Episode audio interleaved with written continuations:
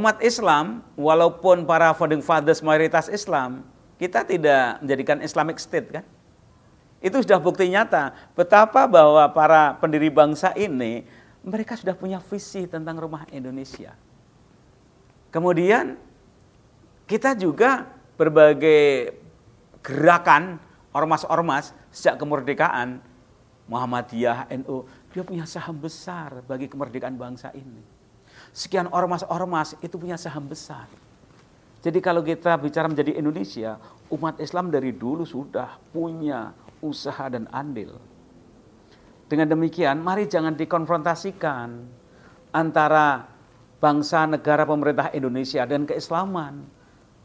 Saya tidak setuju mengatakan pemerintah ini tagut, pemerintah ini kafir, harus dilawan. Loh, yang mendirikan umat Islam kok. Dan ini rumah kita kok masuk dilawan. Jadi mereka yang tidak mau tinggal di rumah Indonesia, ya keluar saja. Cari tempat yang lain sana. Kita ini, rumah kita ya Indonesia.